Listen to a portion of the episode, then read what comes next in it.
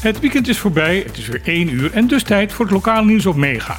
Bon tardi, bon Siman, ik ben Martijn Hirschmuller en deze onderwerpen vielen vandaag op. Het ziet ernaar uit dat er eindelijk een oplossing komt voor het wateroverlastprobleem bij Tanki Mantimonio. Tien jaar geleden werd deze wijk met betaalbare woningen in opdracht van het OLB gebouwd door bedrijf Bonaire Builders. Daarbij werden ook afspraken gemaakt over de infrastructuur van de nieuwe wijk.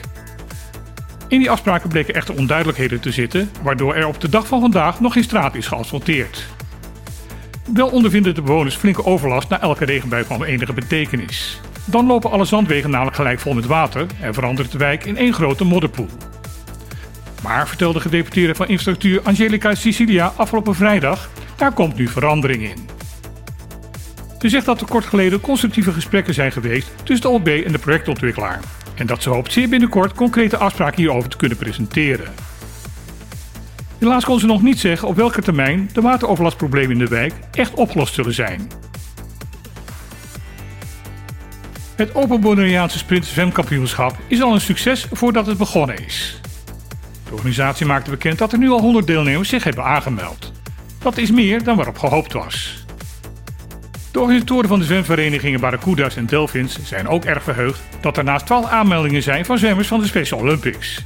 Zij zullen in hun eigen competitie meedoen aan het kampioenschap. Ondertussen wordt er momenteel hard gewerkt om de veranderingen en verbeteringen rondom het zwembad voor Parc Toulouse op tijd klaar te krijgen. Daarom is het zwembad momenteel gesloten.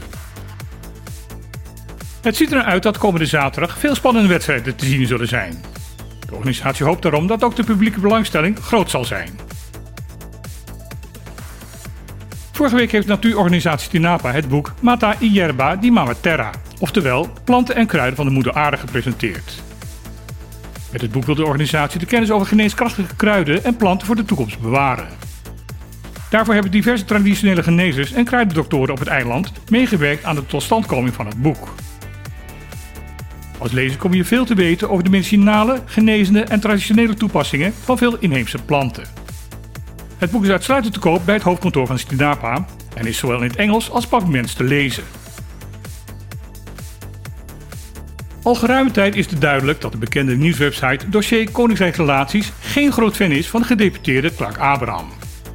Vanaf het aantreden van het nieuwe bestuurscollege zijn er bijna dagelijks negatief getoonde zette stukjes te lezen over zaken die volgens de website niet deugen binnen de overheid van Bonaire. De meeste van deze problemen worden direct of indirect toegeschreven aan gedeputeerde Abraham.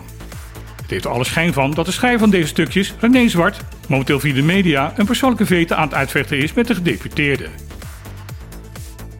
Dit weekend publiceerde René Zwart een foto waarop te zien is dat hij zijn bundel met verzamelde verhalen overhandigt aan gedeputeerde Nina de Heijer. Te lezen is dat hij dit weekend een gezellig etentje met haar heeft gehad. Volgens hem zijn deze etentjes met de Heijer een jaarlijks terugkerend ritueel. Volgens meestal goed ingelichte bronnen rondom de Bonaireaanse politiek heeft naar verluiden de andere leden van het bestuurscollege nadrukkelijk gevraagd aan Den Heijen om dit jaar de afspraak met Zwart af te zeggen. Aan dat verzoek heeft Den Heijen, gezien de foto, kennelijk geen gevolg willen geven. De reactie van Abraham toen hij werd gevraagd wat hij van deze situatie vindt, was even kort als veelzeggend. Geen commentaar. Dit was weer de lokaal nieuws op Mega. Ik wens iedereen een mooie dag toe met niet te veel moeilijke discussies. En dan heel graag weer. Tot morgen.